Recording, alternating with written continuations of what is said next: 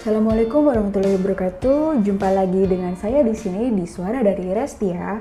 Kali ini saya akan membahas tentang penipuan lewat SMS. SMS atau Short Message Service atau layanan pesan singkat merupakan layanan pada telepon seluler untuk mengirim atau menerima pesan-pesan pendek. SMS merupakan bagian dari teknologi GSM atau 2G, 2G, dan teknologi UMTS atau 3G atau 3G. Saat ini marak terjadi penipuan lewat SMS. Apakah teman-teman pernah mendapat pesan SMS yang seperti itu? Kira-kira apa aja ya modusnya? Yuk kenali agar kita lebih waspada dan juga bisa mengedukasi orang di sekitar kita juga. Modus yang pertama di penipuan lewat SMS adalah undian harapan. Jadi, dalam menjalankan aksinya, para pelaku mengirimkan pesan secara acak bahwa penerima pesan memenangkan undian. Di dalam SMS, para pelaku pun meminta korban yang terpedaya untuk mengklik tautan yang telah dilampirkan. Pelaku akan menjelaskan cara korban mendapatkan hadiah yang telah dijanjikan, salah satunya dengan mentransfer sejumlah uang. Awalnya korban hanya diminta mentransfer sedikit uang, tapi kalau ini sudah berhasil, maka pelaku akan mempengaruhi korban untuk mentransfer lebih banyak lagi. Begitu modusnya. Jadi pelaku tidak akan menyasar golongan tertentu saja sebagai korban. Pesan modus undian harapan ini akan dikirim secara acak ke banyak nomor. Jadi pastikan kita waspada ya. Modus yang kedua penipuan lewat SMS adalah pura-pura menjadi customer service kemudian meminta sejumlah uang. Kita harus memahami bahwa bank tidak pernah meminta uang atau data penting juga tidak pernah melalui SMS tanpa ada permintaan dari pengguna.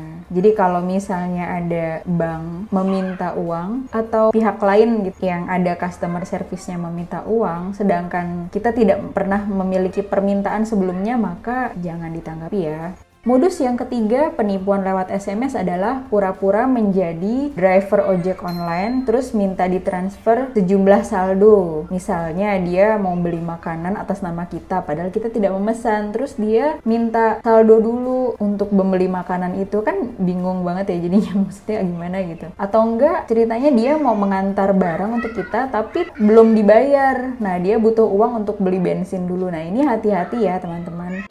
Apa yang harus kita lakukan jika kita mendapatkan SMS penipuan?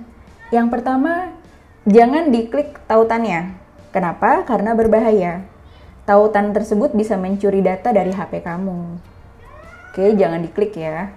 Kedua, jangan dibalas pesannya. Kenapa? Karena ini tindakan yang sia-sia, tindakan yang tidak berfaedah, jadi nggak usah dibales. Yang ketiga, laporkan. Kenapa laporkan?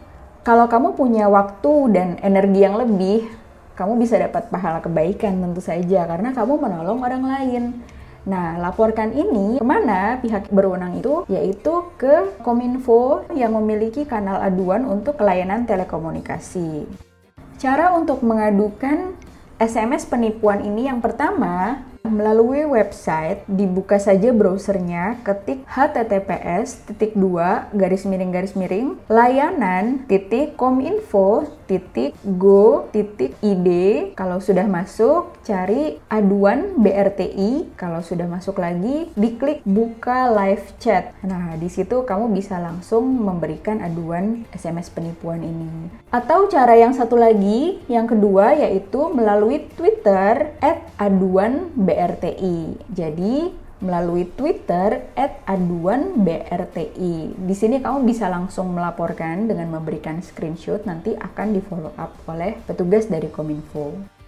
Jadi setelah kamu melaporkan, petugas Kominfo akan menerima aduan kamu dan menindaklanjuti aduan kamu apabila terbukti benar, maka penipuan akan dikenakan sanksi, yaitu akan ada sistem yang bernama Smart PPI di Kominfo yang akan melakukan pemblokiran nomor telepon seluler yang memanggil atau mengirim pesan yang terindikasi penipuan tersebut dalam waktu 1 kali 24 jam. Nah, keren banget kan? Kalau bisa memblokir berarti kan kita sudah mematikan satu nomor yang akan digunakan untuk menipu orang-orang lainnya. Kamu menjadi pahlawan kok kayak gitu. Dan setelah itu, kamu akan menerima notifikasi dari Kominfo bahwa aduan kamu telah selesai diproses.